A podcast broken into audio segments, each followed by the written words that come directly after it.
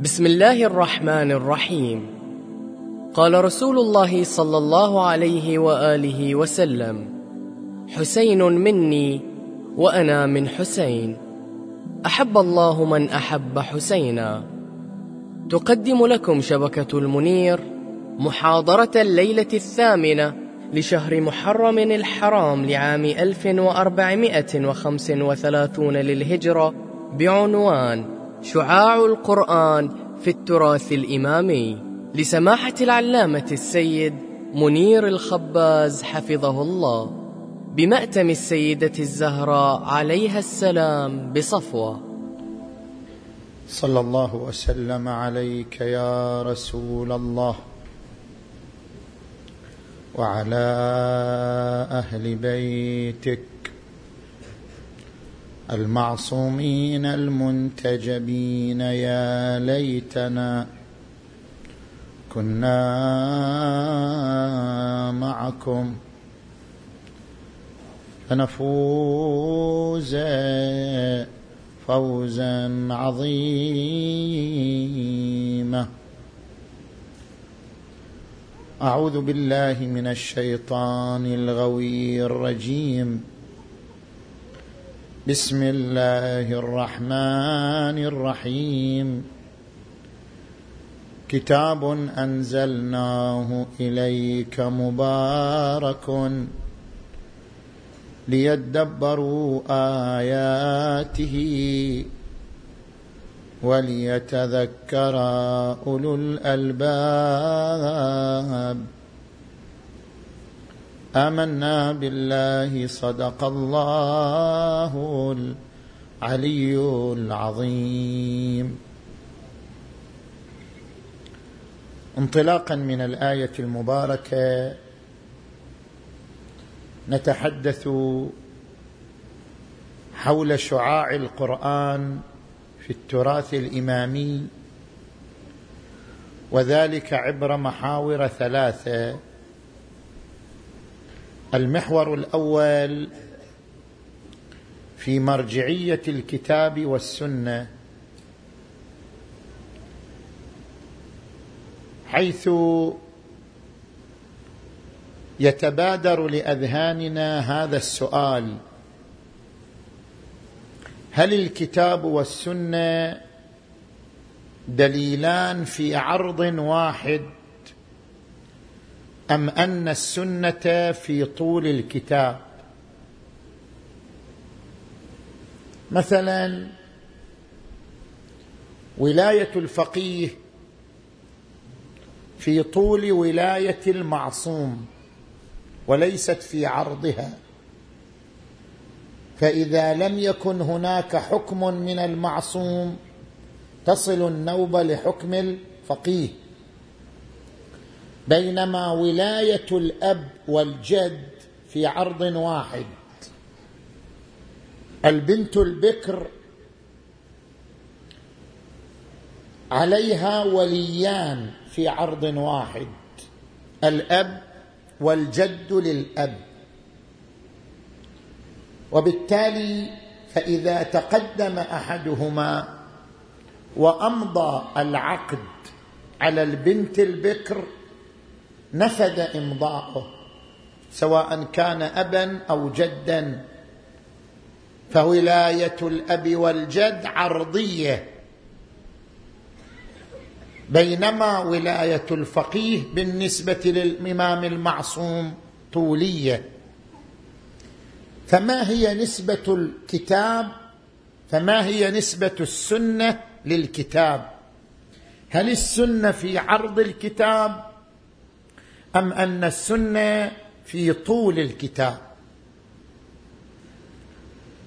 هنا تفصيل بين السنة الواقعية والسنة الظاهرية. السنة الواقعية هي نفس ما صدر عن المعصوم نبيا أو اماما من قول أو فعل أو تقرير. ما صدر عن المعصوم واقعا يسمى سنة واقعية. وأما الروايات الموجودة في الكتب الم... في الكتب الأربعة التي وصلتنا فتسمى سنة ظاهرية لأنها تحكي عن السنة وليست هي السنة. فإذا جئنا للسنة الواقعية يعني ما صدر عن المعصوم ما صدر عن النبي أو الإمام من أقوال في الواقع. هذه السنة الواقعية في عرض الكتاب وليست في طول الكتاب. كما أن الكتاب دليل وحجة في حد ذاته ما صدر عن النبي والأئمة دليل وحجة في حد ذاته وليس أحدهما يرتكز على الآخر. كلاهما دليل كلاهما في عرض واحد. لماذا؟ لأن مقتضى العقل هو عرضيتهما.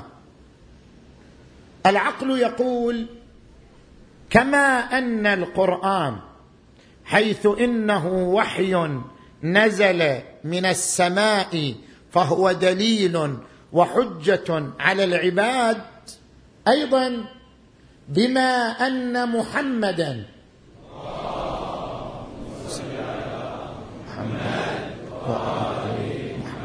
نبي من قبل الله وقد ثبتت نبوته بالمعجزة غير القرآن. يعني النبي لم تنحصر أدلة نبوته في القرآن الكريم. لا. النبي له معاجز متعددة ثبتت بها نبوته من غير القرآن الكريم. فما الكليم ما العصا وما الحجر فهو بسبابته شق القمر.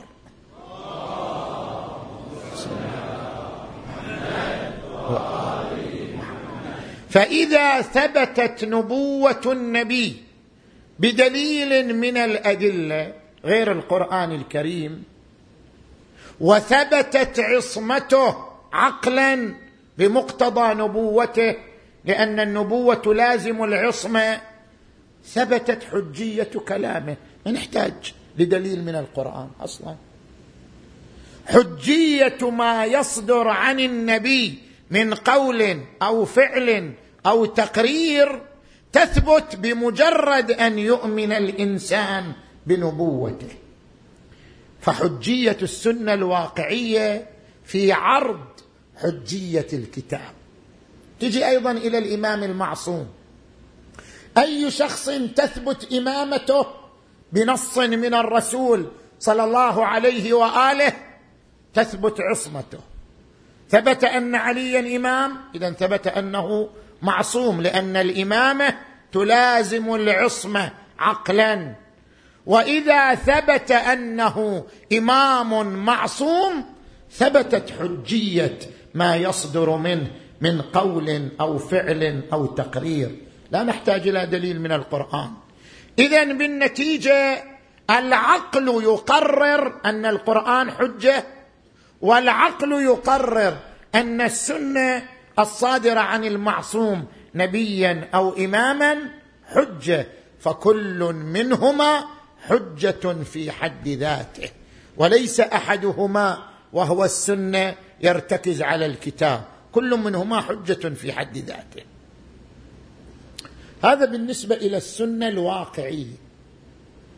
أما السنة الظاهرية يعني الروايات التي وصلت إلينا. هذه تسمى سنة ظاهرية. لأن هذه الروايات التي وصلت إلينا إنما قلنا بحجيتها من باب السيرة العقلائية. السيرة العقلائية قائمة على الأخذ بخبر الثقة على حجية خبر الثقة. وهذه الروايات وصلت إلينا عن طريق الثقات فمقتضى السيرة العقلائية الممضاة من قبل المشرع لعدم ردعه عنها هو حجية هذه الروايات التي وردت علينا في الكتب الأربعة إذا كانت جامعة لشرائط الحجية. حجية السنة الظاهرية هل هي طولية أم هي عرضية؟ إحنا قلنا السنة الواقعية حجيتها في عرض حجية الكتاب. ولذلك النبي صلى الله عليه وآله أودع الثقلين في عرض واحد. إني تارك فيكم الثقلين كتاب الله وعترتي أهل بيتي. هما في عرض واحد من حيث الحجية. لكن السنة الظاهرية يعني الروايات التي وصلتنا وهي أخبار ثقات. هذه الروايات حجة علينا لأن السيرة العقلائية قائمة على أن الثقة إذا أخبر يؤخذ بخبره. وقد وصلتنا هذه الروايات عن طريق أخبار الثقات. هل حجية الروايات طولية؟ يعني ترتكز على الكتاب أم أنها أيضا عرضية مثل السنة الواقعية؟ نقول حجيتها طولية.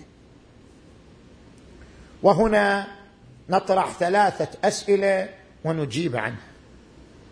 السؤال الأول ما هو الدليل على أن حجية الروايات في طول حجية الكتاب؟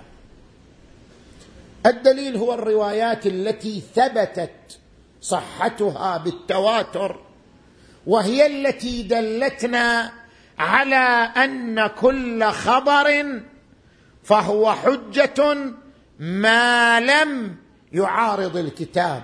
اذا الحجية اولا للكتاب ثم لهذه الرواية.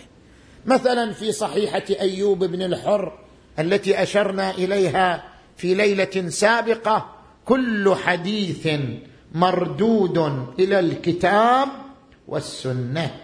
وكل شيء لا يوافق كتاب الله فهو زخرف. وفي صحيحة يونس لا تقبلوا علينا ما خالف قول ربنا وسنة نبينا. بهذه الروايات المتواترة ثبت لنا أن حجية أي رواية مشروطة بأن لا تكون مخالفة للكتاب. اذا حجية الرواية حجية طولية ما لم تخالف الكتاب. نجي إلى السؤال الثاني. ما هو المراد بهذا التعبير الوارد في صحيحة أيوب بن الحر؟ وكل شيء لا يوافق كتاب الله فهو زخرف ما معنى لا يوافق؟ هل المراد بهذه العبارة أن كل حديث لا يوجد مضمونه في القرآن فهو زخرف؟ أو المقصود بهذه العبارة أن كل حديث يعارض القرآن فهو زخرف؟ فرق بين المعنيين. إذا نجي للمعنى الأول كل حديث لا يوجد مضمونه في القرآن فهو زخرف. يعني لازم نلغي ثلثين الأحاديث. يعني ثلثين الأحاديث فيها مضامين لا توجد في القرآن فيها مضامين جديدة لم يذكرها القرآن. أما إذا قلنا بالمعنى الثاني كل حديث عفوا كل شيء لا يوافق كتاب الله. مقصود لا يوافق كتاب الله يعني لا يعارض كتاب الله. سوف تتضيق الدائرة. فنطرح أحاديث قليلة لأن وجود الحديث المعارض لكتاب الله وجود قليل. فيفترق المعنيان. السيد الشهيد سيد محمد باقر الصدر قدس سره في كتابه بحوث في علم الأصول. الجزء السابع صفحة 316 وصفحة 321 تعرض إلى هذه النقطة. قال المقصود بهذه العبارات كل شيء لا يوافق كتاب الله فهو زخرف أو مردود إلى كتاب الله. مقصود بالمعارض الحديث المعارض. لا الحديث الذي ليس مضمونه في الكتاب. ليش؟ اولا لأننا لو قلنا كل حديث ليس مضمونه في الكتاب يطرح وهو زخرف يلزم لغوية حجية الخبر. بعد ما يبقى للخبر الحجة مورد. لأنه إما مضمونه موجود في الكتاب فلا نحتاج إليه. ناخذ بالكتاب. وإذا مضمونه ما موجود في الكتاب نطرحه. اذا لا يبقى لحجية الخبر مورد. تصير حجية الخبر لغو إما مضمونه في الكتاب فنأخذ بالكتاب. أو مضمونه ليس في الكتاب فهو غير حجة. اذا لا يبقى لحجية خبر الثقة مورد. تصير حجية لغو زين؟ هذا الوجه الأول. الوجه الثاني. قام الارتكاز المتشرعي القطعي بأن دور الإمام لا ينحصر في شرح الكتاب. يعني الآن دور النبي بس يشرح القرآن يعني ما يقدر النبي يجيب أحكام ألهمت إليه من قبل الله عز وجل؟ طبعا لا. النبي ليس دوره منحصرا في شرح الكتاب. حتى القرآن يقول يقول هو الذي بعث في الأميين رسولا منهم يتلو عليهم آياته ويزكيهم ويعلمهم الكتاب والحكمة. ينحصر دور النبي في تعليم الكتاب. حتى نقول إن كانت الرواية موافقة للكتاب يعني مضمونها في الكتاب أخذنا بها وإلا طرحناها. هذا معناه أن دور النبي فقط يعلم الكتاب ويشرح الكتاب ما إلى بعد دور آخر. قام الارتكاز المتشرعي القطعي على أن دور المعصوم لا ينحصر في شرح الكتاب فهناك أحكام كثيرة وصلت إلى النبي ليست موجودة في الكتاب وقام النبي ببيانها وبتبليغها وقد أشار القرآن إلى ذلك ما أتاكم الرسول فخذوه وما نهاكم عنه فانتهوا. فدور النبي ودور الإمام على قياس دور النبي. دور الإمام لا ينحصر في شرح الكتاب. هناك كثير من الأحكام الشرعية أبانها الأئمة لأنها وصلت إليهم عن طريق النبي صلى الله عليه وآله وليست موجودة في الكتاب. فمع قيام الارتكاز المتشرعي القطعي على أن للإمام وللنبي دورا غير تعليم الكتاب. اذا المقصود هذه قرينة على أن المقصود بقوله كل شيء لا يوافق كتاب الله فهو زخرف يعني كل شيء يعارض كتاب الله. مو كل شيء ليس موجودا في الكتاب فهو زخرف. وإلا نلغي دور النبي الآخر نلغي الأدوار الأخرى. للنبي والأئمة المعصومين صلوات الله وسلامه عليهم أجمعين. يعني مثلا الآن نجي إلى هذه الرواية. إذا بلغ الماء قدر كر صحيحة الرواية. إذا بلغ الماء قدر كر لا ينجسه شيء. هذه الرواية ليست في القرآن. لكنها ليست معارضة للقرآن. فيها مضمون جديد لا يوجد في القرآن وليست معارضة. يعني نطرحها؟ لا. الماء إذا أقل من كر يتنجس ولو بقطرة بول ولو بقطرة دم. وإذا كر الكر عند السيد الخوئي ثلاثة في ثلاثة في ثلاثة. ثلاثة طول ثلاثة أشبار طول ثلاثة أشبار عرض ثلاثة أشبار عمق يعني ما مساحته سبعة وعشرون شبرا. إذا بلغ الماء قدر كر لا يتنجس. حتى لو ألقيت فيه قطرة بول قطرة مثلا دم لا يتنجس بملاقاه النجاسة. ما لم يتغير لونه أو طعمه أو ريحه. هذا المضمون ليس في الكتاب. لكننا لا نطرح الخبر لأن مضمونه ليس في الكتاب. ما دام ليس معارضا للكتاب. اذا المراد لا يوافق يعني معارض. شنو معنى المعارضة؟ المعارضة الحرفية لو المعارضة الروحية هذا مبنى شرحناه في ليلة السادس من المحرم. ما معنى المعارضة والمخالفة؟ المخالفه الحرفية أو المخالفة الروحية ذكرنا نظريتين في ليلة السادس من المحرم. نعم إذا لدينا خبران كل منهما حجة كل منهما خبر ثقة وتعارضا. هنا نقدم الخبر الذي مضمونه في الكتاب. وهذا مثلنا إلى ليلة سادس محرم. لو عندنا خبر يقول يجوز الربا بين الولد ووالده. وعندنا خبر يقول لا يجوز الربا بين الوالد ووالده. فتعارضا أيهما يؤخذ به؟ يقدم ما كان مضمونه في الكتاب وهو الخبر الذي يحرم لأن مضمونه موافق لقوله أحل الله البيع وحرم الربا. ففي باب التعارض في مرجحات باب التعارض. إذا ورد خبران متعارضان وبحثنا عن المرجح هنا المرجح موافقة الكتاب بمعنى أن يكون مضمونه موجودا في الكتاب.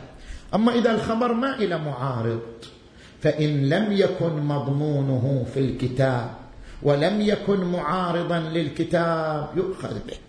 وإن كان معارضا للكتاب طرح.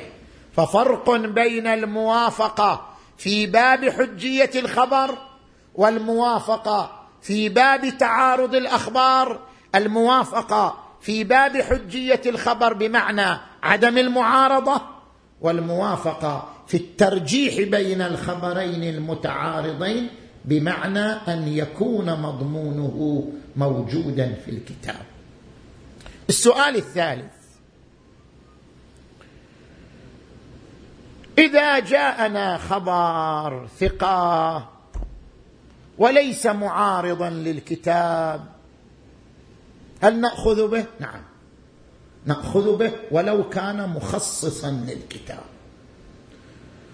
نأخذ به سواء كان مساويا للكتاب مخصصا للكتاب مفسرا للكتاب نأخذ به. هذا هو مقتضى حجية خبر الثقة. يؤخذ بالخبر غير المعارض سواء كان مساوي مخصص مفسر هذا مقتضى حجيته. نعم إذا ليس عندنا خبر أو الخبر ضعيف إذا ما عندنا خبر معتبر يعني خبر صحيح السند أو قامت القرائن على الوثوق بصدوره إذا ما عندنا لا هذا ولا هذا نأخذ بظاهر الكتاب. فالأخذ بظاهر الكتاب إنما يتم إذا لم تكن هناك رواية صحيحة مخصصة أو مفسرة للكتاب. حينئذ نتنزل من تفسير الكتاب إلى الأخذ بظاهر الكتاب. ونعمل بظاهر الكتاب. لأن ما عندنا رواية معتبرة وهذا موارد كثيرة فيه. مو أنه مورد أو موردين. ما عندنا رواية معتبرة نأخذ بظاهر الكتاب ونعمل بظاهره حتى في مجال استنباط الأحكام. لأن الفقيه في مجال الاستنباط لا يفحص عن المعنى الواقعي عند الله. ما يقدر الفقيه يوصل إلى المعنى الواقعي عند الله. إنما يصل إلى المعنى الواقعي إذا أكو رواية إذا ما أكو رواية كيف يوصل إلى المعنى الواقعي؟ اذا إذا لم تكن هناك رواية معتبرة يأخذ الفقيه بظاهر الآية ويفتي على طبق ذلك لأنه لا يمكنه الوصول إلى المعنى الإلهي الواقعي للآية. فيكفي في الفتوى المعنى الظاهري وإنما يكفي في الفتوى المعنى الظاهري لأن حجية الظهور كما ذكرت في كتب علم الأصول حجية بمعنى المنجزية والمعذرية.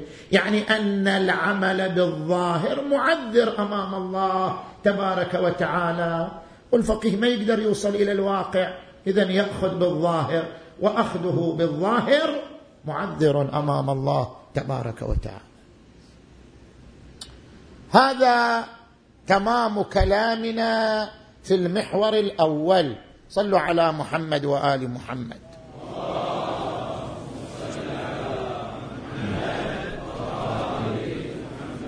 نجي إلى المحور الثاني. في أهمية الأهداف القرآنية. القرآن كتاب تضمن اهدافا عظيمة وتضمن اسرارا ثمينة. قال تبارك وتعالى كتاب أنزلناه إليك مبارك ليدبروا آياته وليتذكر أولو الألباب. زين. هنا سؤالان يتعلقان بالأهداف القرآنية. التفت إلي جيدا السؤال الأول لو أخذنا بالنظرية المعروفة بين العلماء وهي أن الخبر إذا كان خبر ثقة ولم يكن معارضا لظاهر القرآن يؤخذ به. لازم ذلك أن نأخذ بآلاف الأخبار. زين. وإذا أخذنا بآلاف الأخبار يلزم من الأخذ بآلاف الأخبار إلغاء مرجعية القرآن الكريم. لا يبقى للقرآن الكريم مرجعية لأننا دائما في الآيات نأخذ بالخبر المخصص أو المفسر فلا يبقى للقرآن مرجعية. وإذا لم تبق للقرآن مرجعية ضاعت أهدافه. وضاعت أسراره. والحال بأن القرآن يأمرنا بالتحفظ على أسراره وعلى أهدافه ليدبروا آياته وليتذكر أولو الألباب. وقال عز وجل أفلا يتدبرون القرآن أم على قلوب أقفالها؟ فكيف إحنا ناخذ بها الآلاف من الأخبار والروايات لأنها أخبار ثقات نأخذ بها. وهذا يلزم منه تضييع أهداف القرآن تضييع مقاصد القرآن إلغاء مرجعية القرآن الكريم. الجواب عن ذلك طبعا إحنا لازم نذكر أمثلة حتى يصير المعنى واضح. أذكر مثالين مثال في العقائد ومثال في الأحكام الفقهية. مثال في العقائد. عندما نأتي إلى هذه الفقرة الشريفة من الرواية من الزيارة زيارة الجامعة.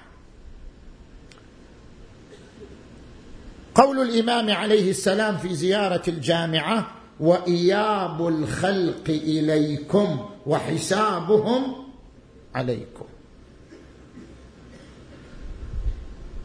يتصور الإنسان أحيانا يقول لك هذه الفقرة تتعارض مع القرآن لأن القرآن يقول إن إلينا إيابهم ثم إن علينا حسابهم. كيف نأخذ بالأخبار؟ هذا الخبر تعارض مع القرآن الكريم. زين. تجي الآن إلى الفروع أو الحكم الفقهي.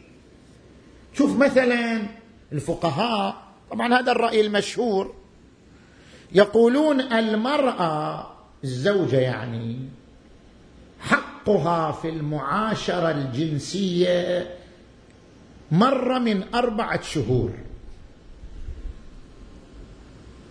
طبعا أكو فرق بين حق المبيت وبين حق المعاشرة.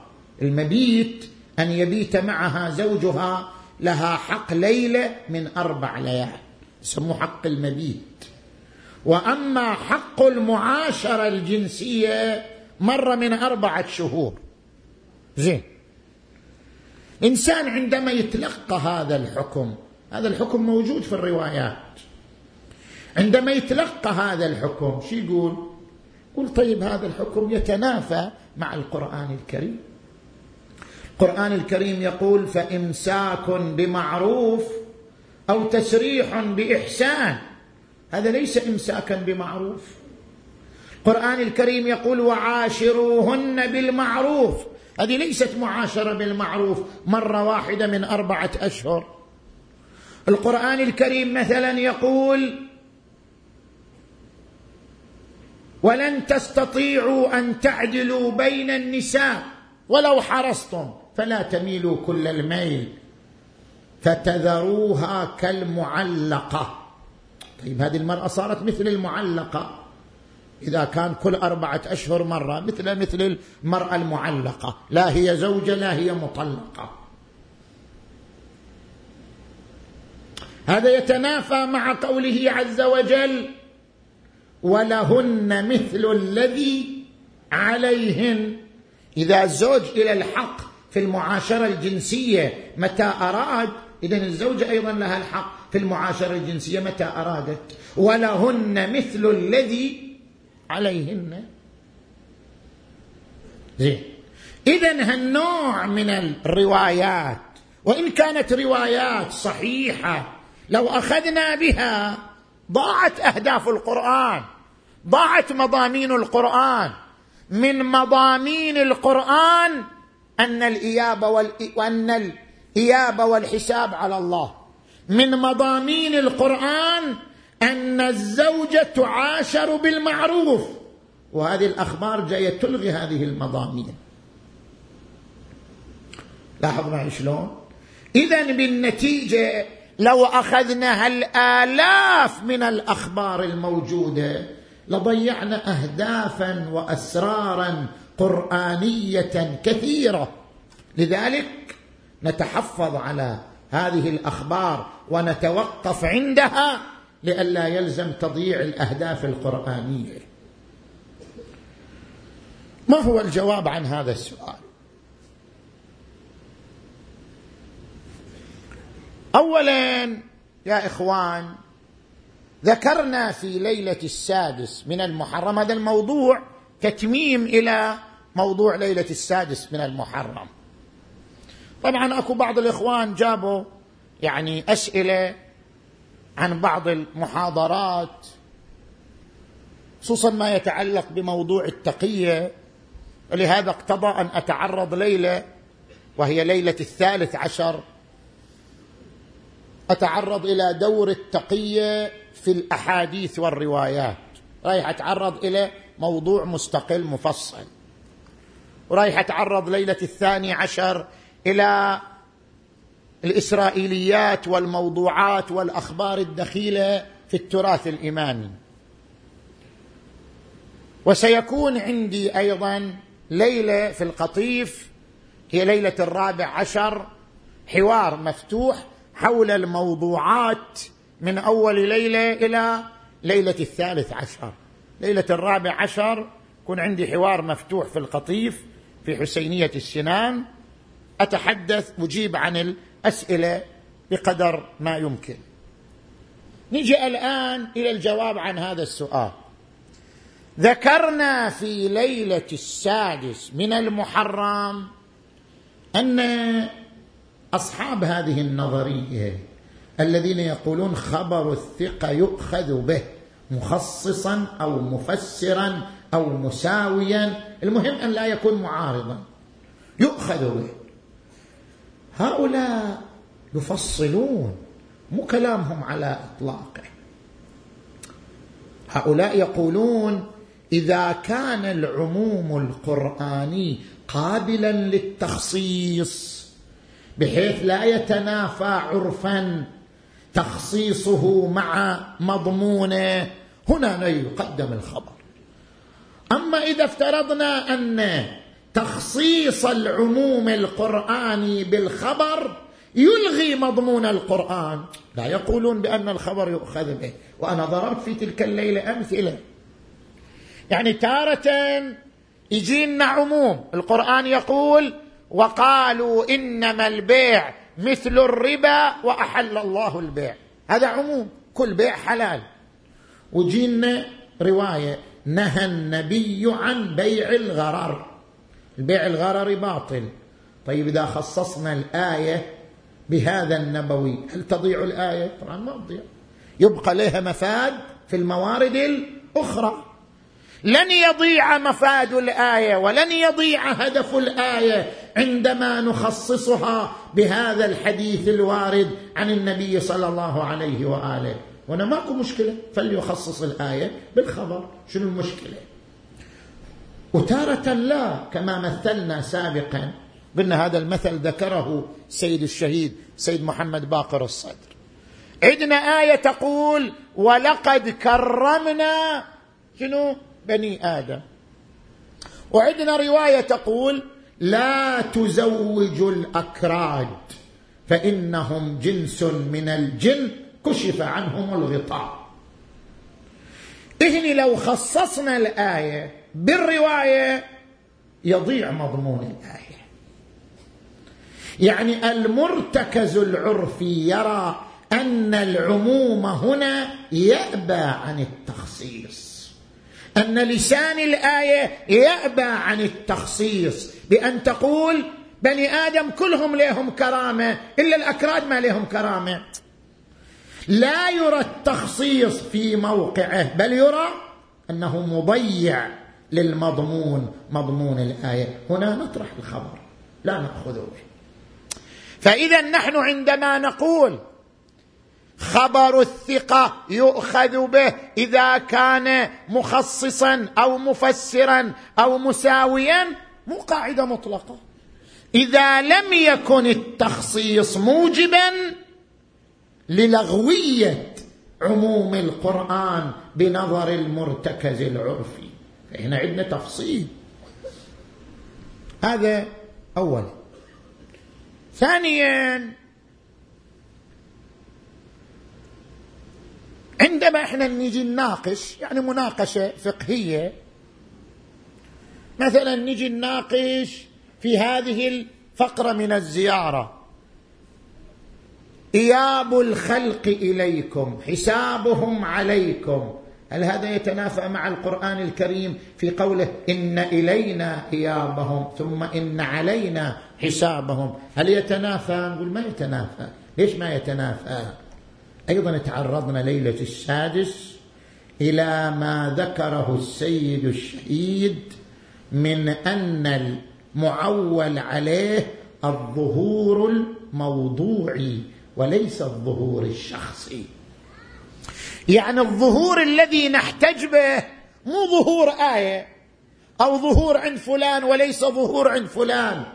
الظهور الموضوعي يعني الظهور المتكون من مجموع الآيات. الظهور المتكون من القرائن العرفية التي تسنده وليس أية ظهور. وإحنا عندما نجي نراجع القرآن شوف القرآن أحيانا يسند الوظائف إلى الله. أحيانا يسند الوظائف إلى سفرائه. صحيح لو لا؟ مثلا القرآن الكريم يقول الله يتوفى الأنفس حين موتها. وفي آية أخرى ماذا يقول؟ قل يتوفاكم ملك الموت الذي وكل بكم. كيف نجمع بين الآيتين؟ نجمع بين الآيتين بشكل واضح.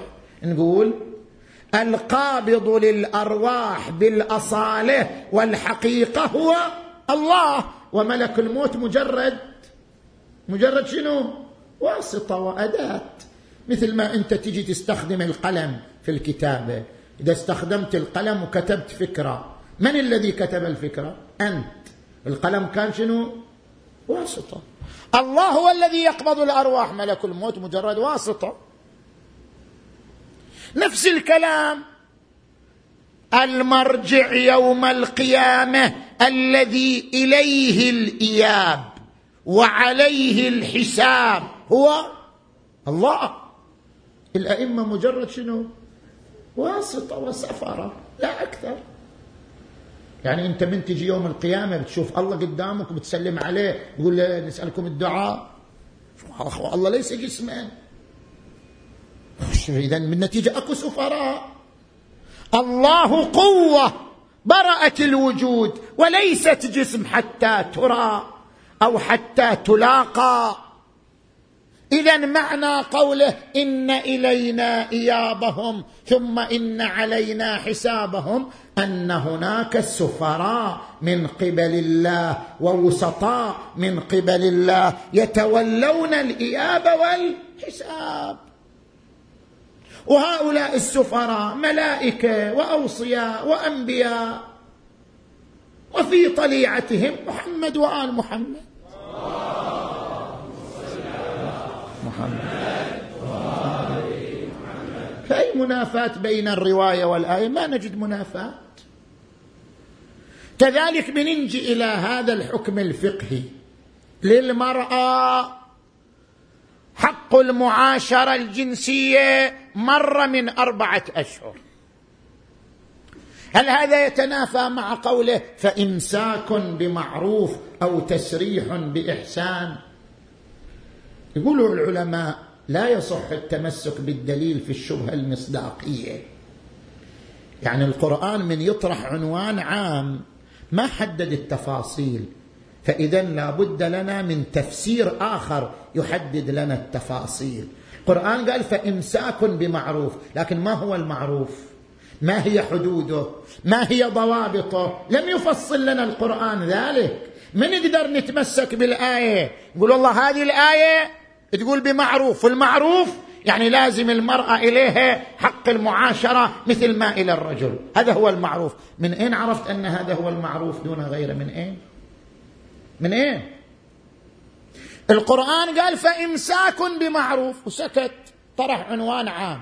ما هي حدوده؟ ما هو ضوابطه؟ ما هي تفاصيله؟ ما نقدر إحنا نتوصل اليها إلا بالرجوع إلى الرواية. القرآن يقول وعاشروهن بالمعروف. ما هو المعروف؟ ما هي حدوده؟ لا نستطيع تحديده إلا بالرجوع إلى الرواية. القرآن يقول ولهن مثل الذي عليهن. ما هو الذي عليهن؟ حتى نعرف لهن. إحنا شلون نعرف لهن؟ إذا عرف إذا ما عرفنا عليهن. صح لا؟ لابد أن نحدد ما هو الذي عليهن حتى نحدد الذي لهن. هذه عناوين عامة والعنوان العام لا يصح الاحتجاج به. لا بد من تفسير يوضح لنا حدوده وضوابطه. فنرجع إلى الرواية. وإذا رجعنا إلى الرواية قالت المعروف هو أن للمرأة مرة من أربعة أشهر. فلا يقال بأن الرواية تتنافى مع الآية لأن الآية ما طرحت تفاصيل طرحت عنوان عام. وهذا العنوان العام مبهم. نحتاج إلى ما يفسره ولا طريق لنا إلى تفسيره إلا الرواية. ثم إحنا يا إخوان عندما نتحدث عن الأحكام فقهاؤنا يقولون فرق بين الحكم بالعنوان الأول والحكم بالعنوان الثانوي. أنا أضرب لك مثال الصوم مثلا.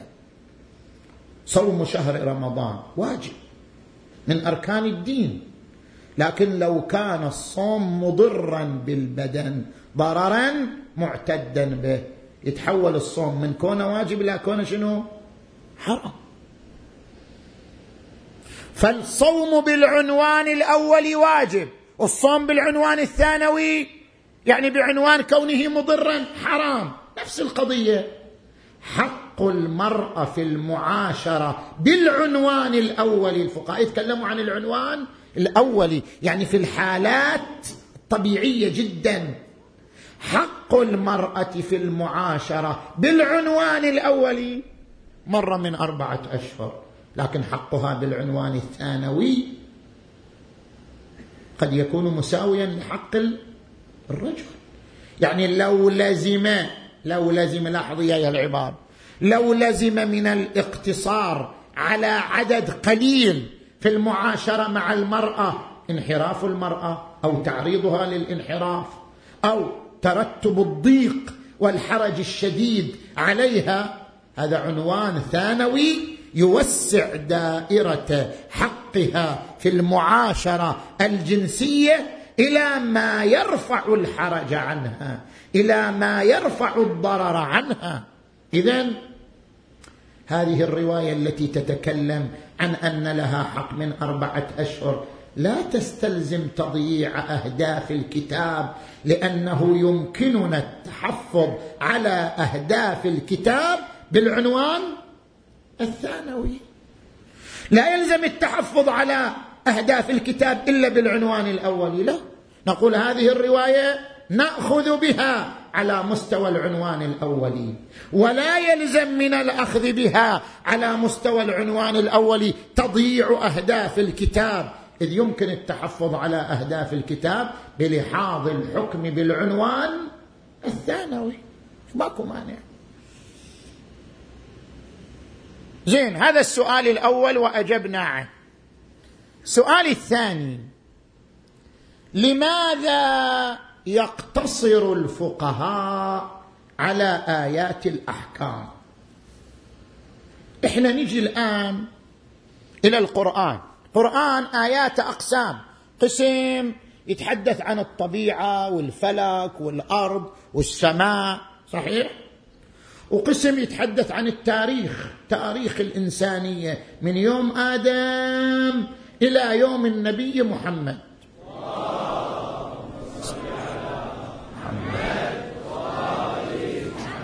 وقسم يتحدث عن التربية الأخلاق القيم المواعظ العبر. وقسم يتحدث عن التشريعات. آيات الميراث آيات الصلاة الزكاة الحج والصوم وهكذا. ليش الفقهاء يقتصرون على القسم الرابع وهو القسم المتعلق بآيات الأحكام؟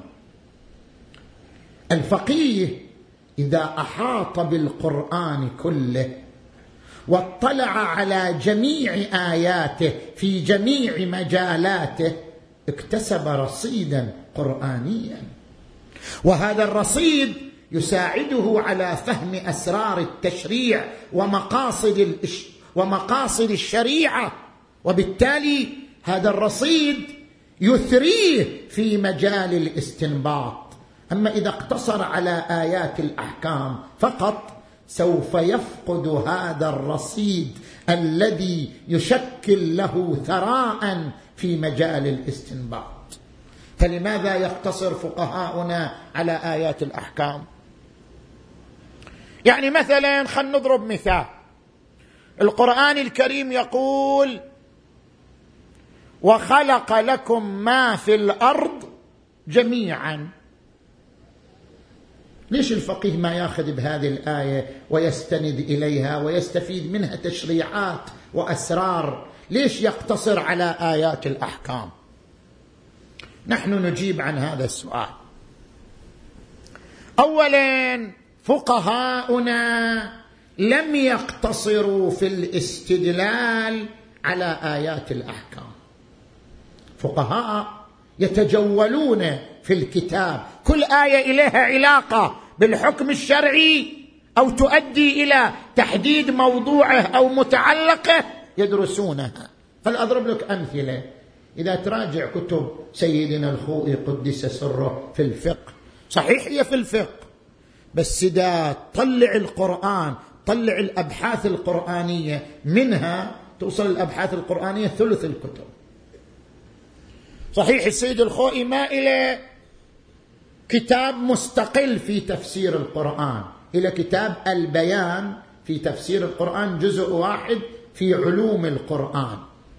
وتحدث فيه عن تفسير الفاتحة وسورة قل هو الله أحد. هذا صحيح.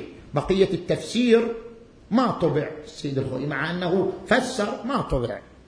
لكن الأبحاث القرآنية الموجودة في الكتب الفقهية للسيد الخوئي كثيرة جدا. لو استخرجت من الكتب الفقهية لشكلت ثلثها من حيث المعلومات القرآنية. الفقيه شوف مثلا سيد الخوئي يجي كلمة العدالة.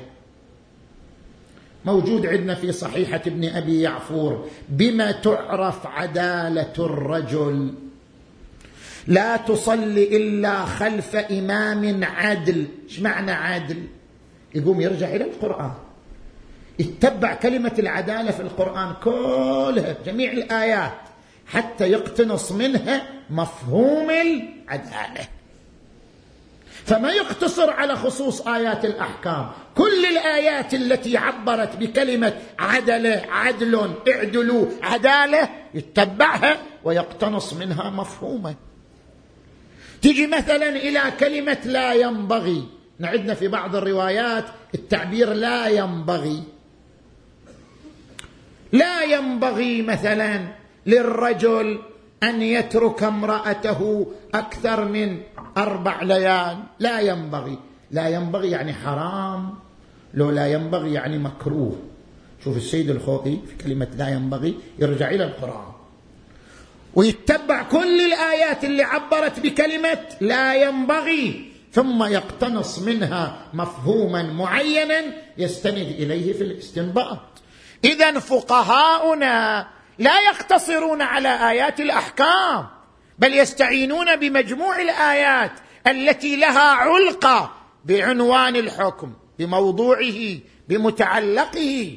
هذا اولا. ثانيا يصير البحث بحث صغروي. شلون بحث صغروي؟ يعني أنت والله تشوف في آيات تفيد. هو ما يشوف في آيات تفيد. صار اختلاف وجهة النظر. ويقول لك أنا ما أرى آيات غير هذه الآيات لها علاقة بالأحكام الشرعية. قرأتها فما رأيت فيها. أنت تقول والله أنا رأيت فيها. صار الخلاف جزئي يعني خلاف عادي. مثل الخلاف بين أي مجتهدين وفقيهين. تجي مثلا إلى كلمة خلق لكم ما في الأرض جميعا. يجي فقيه مثل السيد محمد باقر الصدر. في كتابه اقتصادنا. يقول هذه الآية تدل على تشريع أن الله يرى أن الثروة ملك لمجموع البشرية وليست ملكا لواحد دون آخر. خلق لكم ما في الأرض جميعا. هذه الآية تعبر عن حكم شرعي وهو أن الثروة ملك للأمة ملك للمجتمع وليست ملكا لفرد دون فرد. زين؟ بينما مثلا السيد الخوي يقول له هذه الآية ما لها علاقة بالأحكام الشرعية. هذه تتحدث عن أسرار الكون. هذه قاعدة تتحدث عن موضوع كوني وليس موضوع شرعي. جاية تقول أن من نعم الله على الإنسان أنه هيأ له الأرض بكل معادنها وكنوزها. كما في الآية الأخرى التي قالت وجعل لكم الأرض ذلولا فامشوا في مناكبها. فاذا هذا خلاف في الفهم. هذا يقول الآية تتضمن تشريع هذا يقول الآية ما تتضمن تشريع. هالنوع من الخلاف؟ هذا خلاف عادي بين الفقهاء. لا يحتاج إلى أن نقيم عليه بحوث ابدا. هذا يرجع فيه إلى مواطنه. هذا تمام كلامنا في المحور الأول في المحور. آه. أشوفكم ذاكرين لو لا. في المحور الثاني صلوا على محمد وآل محمد.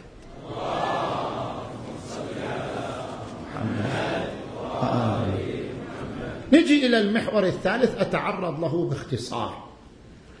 المحور الثالث في منطقة الفراغ. هل هناك منطقة فراغ لم يتحدث عنها القرآن الكريم وأوكلها الله إلى النبي والأئمة صلوات الله عليهم أجمعين لملئها؟ نقول نعم هناك منطقة فراغ. التفت إلي جيدا. منطقة الفراغ لها عدة موارد. المورد الأول الولاية على التشريع. المشرع الأول بالأصالة هو من؟ الله. قال تعالى ومن لم يحكم بما أنزل الله فأولئك هم الكافرون. هل للنبي ولاية على التشريع؟ أو النبي مجرد مبلغ؟ أو لا يقدر يشرع النبي. نحن عندنا مجموعة من الروايات الثابتة الصحيحة تؤكد أن النبي له حق التشريع. يعني شنو له حق التشريع؟ يعني الله ترك مساحة يملأها النبي. كيف يملأها؟ النبي نفس قدسية وهو أشرف المخلوقات. فلأنه نفس قدسية معصومة معصومة علما وعملا. فلا يخطئ الواقع ابدا. فبما أنه نفس قدسية لا تخطئ الواقع أعطاه الله الحق في التشريع فما رآه مصلحة عامة للبشرية وشرع حكما على أساسه فتشريعه نافذ وماضي. أقرأ لك بعض الروايات. مثلا هذه الصحيحة. إن الله حرم الخمر بعينها وحرم رسول الله صلى الله عليه وآله المسكر من كل شراب مو بس الخمر رسول حرم كل المسكرات فأجاز الله له ذلك. الجزء 25 من الوسائل صفحة 325 مثلا هذه الرواية الصحيحة إن الله عز وجل فرض الصلاة ركعتين ركعتين عشر ركعات. يعني لو بقينا على اللي الله شرعه كان بس نصلي عشر ركعات مريحين. زين؟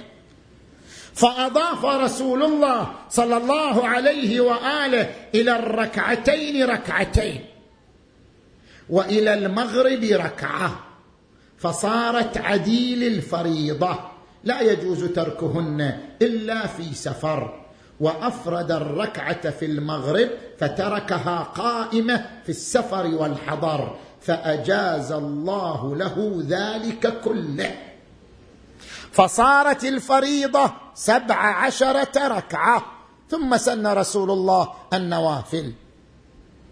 لأن الرسول هو اللي شرع ركعتين في الظهر زيادة. ركعتين في العشاء زيادة ركعتين في العصر زيادة لا تسقط إلا في السفر. زين.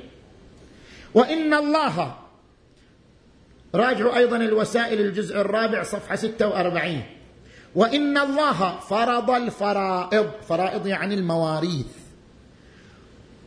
ولم يجعل ولم يقسم للجد شيئا. الجد ما ورد ميراثه في القرآن.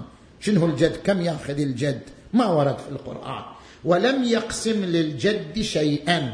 وإن رسول الله صلى الله عليه وآله أطعمه السدس. فأجاز الله جل ذكره له ذلك. لأن الرسول كان إلى شنو؟ حق التشريع. فلو وردتنا تشريعات عن النبي لا يمكن طرحها لأنها ليست موجودة في الكتاب. ما دام النبي له حق التشريع. زين هل للأئمة حق التشريع؟ مثل النبي. هذه مسألة خلافية بين العلماء. ما أدخل فيها. تعرضت لها في كتابي ميثاق الإمامة في آية الولاية. إذا ترجعوا لهذا الكتاب تعرض لولاية التشريع للأئمة الطاهرين مفصلا. بعض العلماء يرى أن لهم ولاية التشريع. بعض العلماء ما يرى أن لهم. ولاية التشريع. إذا لو وردتنا روايات تتضمن تشريعا من الأئمة صلوات الله عليهم أجمعين. ليس عند النبي وليس عند القرآن تشريع جديد صادر من الإمام عليه السلام. إذا بنينا على أن لهم ولاية التشريع نأخذ بالرواية. ولا إشكال. إذا لا نقول هذه الرواية. معارضة للسنة القطعية حيث حصرت السنة القطعية حق التشريع في الله.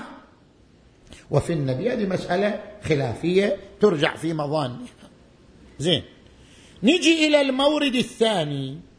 المورد الثاني من موارد منطقة الفراغ الحكم الولايتي.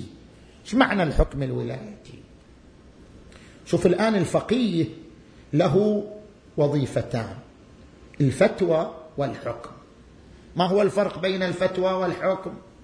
الفتوى هي الخطاب العام الذي لا يختص بزمن ولا بمكان ولا بمجتمع. يجيك الفقيه مثلا يقول لك الدم نجس العصير العنبي. ترى أنا أذكر مسائل فقهية ابتلائية ضمن حديثي. حتى يلتفت الناس إلى ذلك. العصير العنبي إذا غلا ولم يذهب ثلثاه حرام شربه. أي كثير من الناس يغفلون عنه.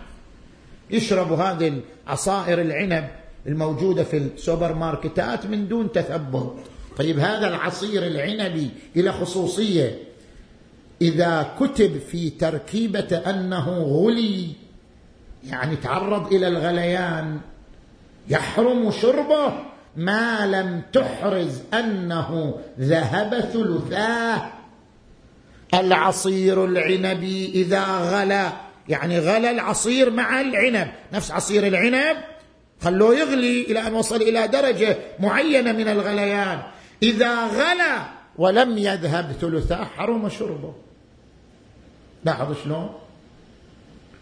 عندما يقول الفقيه العصير العنبي إذا غلا ولم يذهب ثلثاه يحرم شربه. هذه فتوى نسميها لا حكم عام أما إذا قال الفقيه يجب على الشعب الإيراني أن يخرج للانتخابات أو يجب على الشعب العراقي أن يخرج للانتخابات. هذا يسموه شنو؟ حكم. لأن هذا خطاب خاص بظرف معين بقضية معينة. هذا مو فتوى هذا حكم. فرق بين الفتوى وبين الحكم. أو يجي الفقيه مثلا يقول يحرم شراء البضائع الدنماركية. هذا حكم يختص بظرف معين بقضية معينة. فهناك حكم وهناك فتوى. الإمام المعصوم أيضا كذلك. يعني الإمام المعصوم أقل من الفقيه مو أقل. أيضا الإمام المعصوم قد يصدر منه حكم شرعي عام. وقد يصدر منه حكم ولايتي. مثلا أضرب لك مثال. هذه عندنا رواية صحيحة السند. صحيحة محمد بن مسلم وزرار عنهما جميعا يعني عن الباقر والصادق قال وضع أمير المؤمنين عليه السلام على الخيل العتاق الراعية في كل فرس في كل عام دينارين وجعل على البراذين دينارا. الوسائل وسائل الشيعة الجزء التاسع سبعة وسبعين. خلصت خلاص. زين. هنا يقول الفقهاء يعني كثير من الفقهاء أن هذا حكم ولايتي. الإمام عليه السلام كما هو مصدر للتشريع هو أيضا ولي الأمر. أطيعوا الله وأطيعوا الرسول وأولي الأمر منكم. فإذا صدر منه حكم لأنه ولي الأمر يكون نافذا. من الأحكام التي صدرت عن علي أيام خلافته أنه وسع الزكاة. الزكاة مو بس في الإبل والبقر والغنم. الامام علي وسعها. خلى الزكاة حتى على الخيل العتاق حتى على البراذين لتغطية حالات الفقر في زمانه. هذا يسمى حكم ولايتي فلو صدر من الإمام حكم ولايتي ما موجود في القرآن ولا عند الرسول يعني نطرحه؟ لا ما نطرحه. لأنه حكم صدر عن الإمام بما هو ولي الأمر فيؤخذ به. المورد الثالث والأخير بطون القرآن. ورد عن النبي محمد. صلى على محمد. وآل محمد إن للقرآن ظهرا وبطنا. وإن للقرآن سبعين بطنا. شنو المقصود من بطون القرآن؟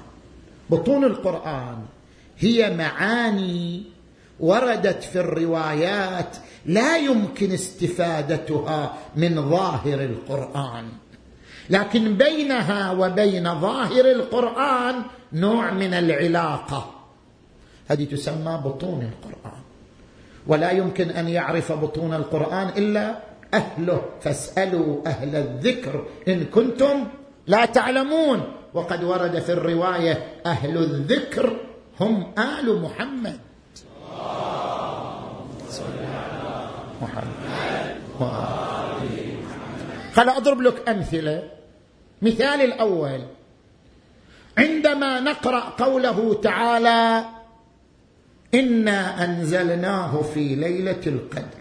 هذه إليها ظهر اليها بطن ظهرها يعني ظاهرها أن القرآن نزل في ليلة من ليالي شهر رمضان تسمى بليلة. هذا ظاهرها وظاهرها حجة. لكن جاءتنا الرواية عن الصادق عليه السلام ليلة القدر أمي فاطمة الزهراء.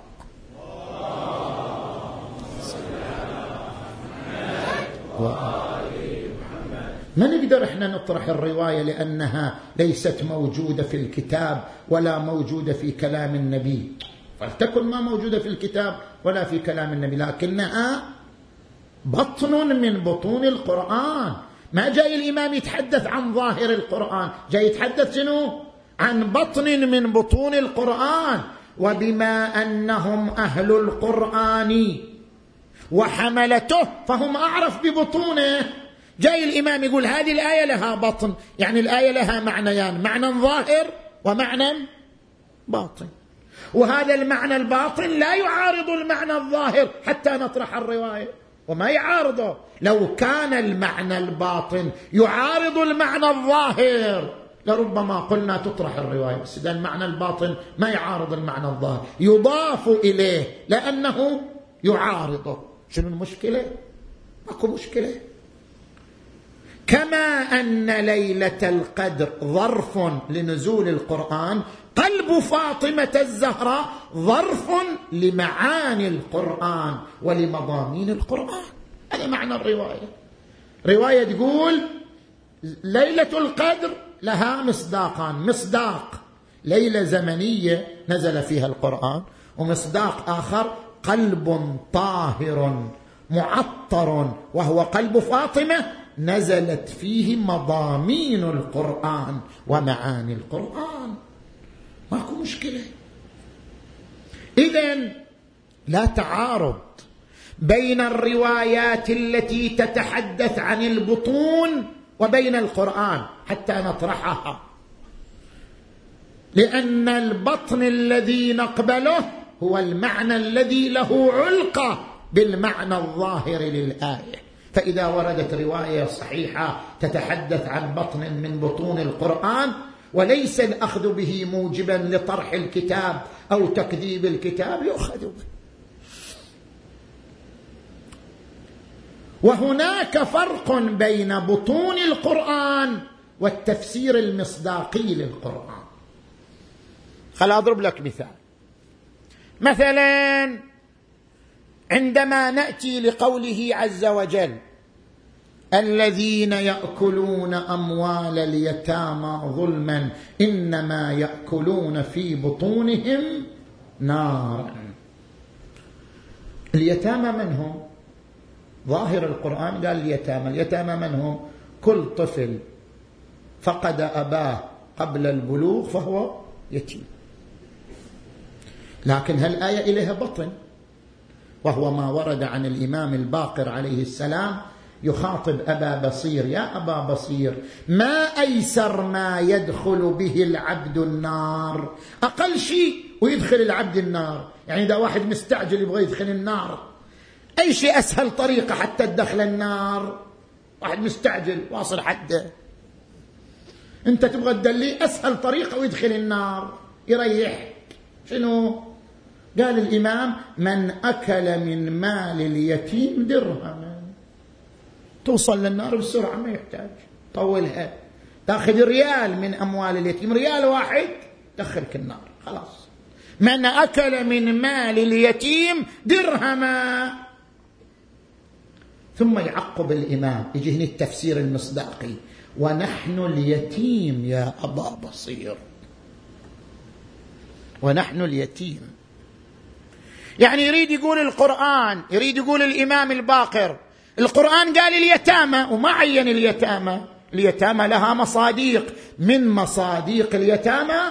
أهل البيت. فمن أكل من مال أهل البيت درهما واحدا أدخله النار. إنما يأكلون في بطونهم نارا هذا يسمى تفسير بالمصداق وليس من البطون. وهناك جماعة من الإخوة الشباب قالوا لماذا لا يكون ليلة الثامن من المحرم ليلة اليتيم؟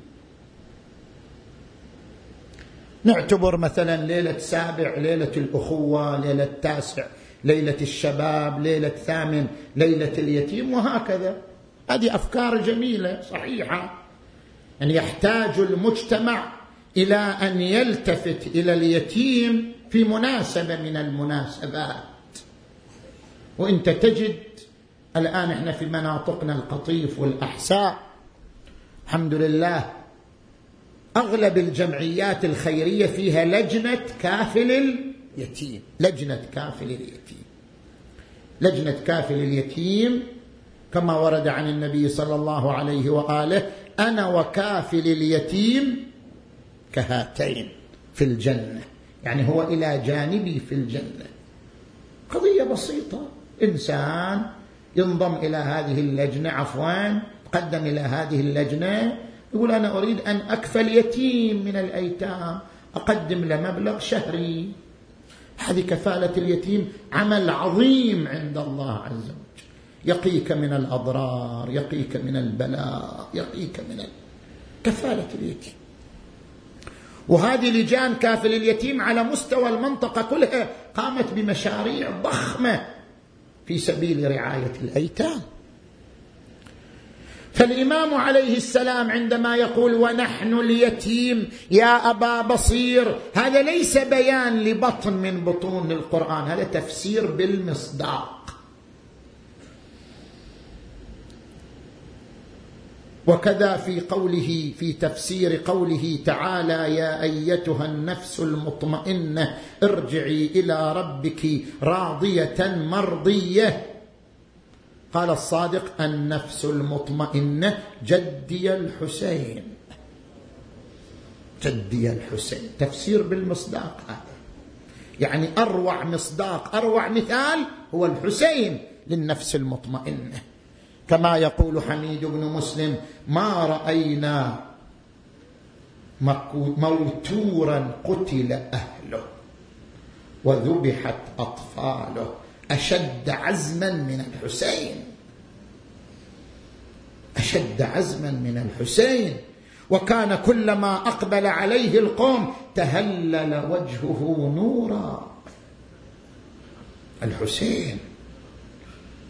صحيح الحسين قال أما من ناصر ينصرنا ما من معين يعيننا. لكن كان يريد من حشد الأنصار أن يشرفهم بمقام الشهادة.